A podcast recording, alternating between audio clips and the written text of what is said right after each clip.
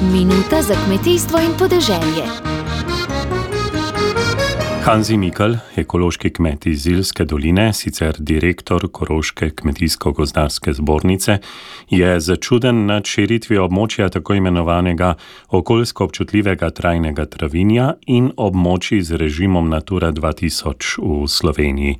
Pravi, da se v Avstriji kaj takega ne more zgoditi. Odkrito povedano, če jaz pogledam potem tisto, tisti zemlji vid, ko je naenkrat Dosti mislim, da so bili tisti površini rdeči varvi, ki so do, dodatno prišli, ja, potem je to ogromno površin ja, in tukaj je potem de facto ogromno kmetij v zadju in ogromno kmetov, ki so tam uh, kmetovali.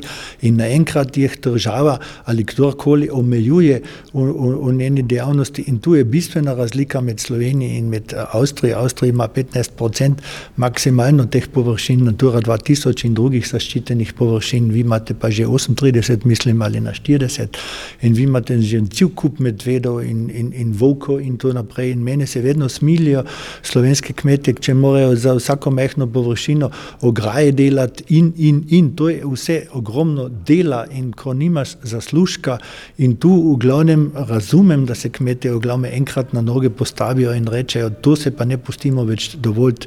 In uh, tukaj jih dejansko podpiram, odkrito povedano, kljub temu, da da to ni moja naloga tukaj zdaj uh, slovenske proteste podpirati.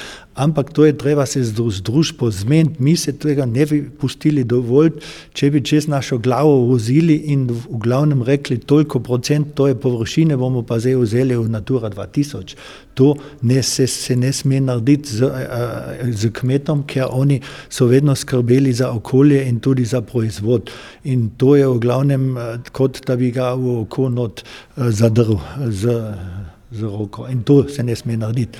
V Avstriji so vsi okoljski ukrepi skupne kmetijske politike prostovoljni za kmete, pravi Hansi Mikl. Pretežni del naših ukrepov so prostovoljni ukrepi in mi skušamo tudi, če, če Natura 2000, potem se moramo pogovarjati skupaj in potem more, se moramo znajti nekje, da rečemo, ok, dobro, to površino damo na, na razpolago ali to površino ali to eh, in to nam mora biti ena površina, ki je, ki je jo dobro, imamo že tiste nacionalne parke, ja, ampak tudi tam je tako, da imamo naše zahteve in da more kmete v glavnem uh, možnost imeti naprej kmetovati tako, kako so do zdaj kmet, kmet, kmetovali in de, deloma še naprej tudi de facto pospeševati kmetovanje.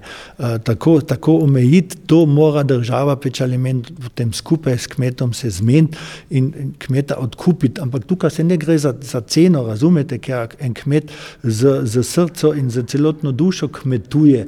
To je ni samo tako, da od danes na jutro lahko reče, bom pa moje krave pustil in dobro, če ne smem več kositi ali, ali na pašo jih dati, eh, potem bom pa to nehal. Ja, to je en cel življenje delal in že mogoče tri generacije ali, ali sto generacij prej in to je, to je treba pasljivo uh, postopati.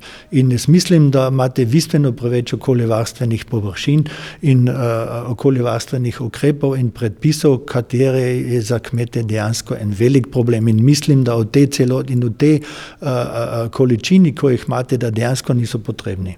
Celotnemu pogovoru s Hansijem Miklom lahko prisluhnete v podkastu Nedeljske kmetijske oddaje.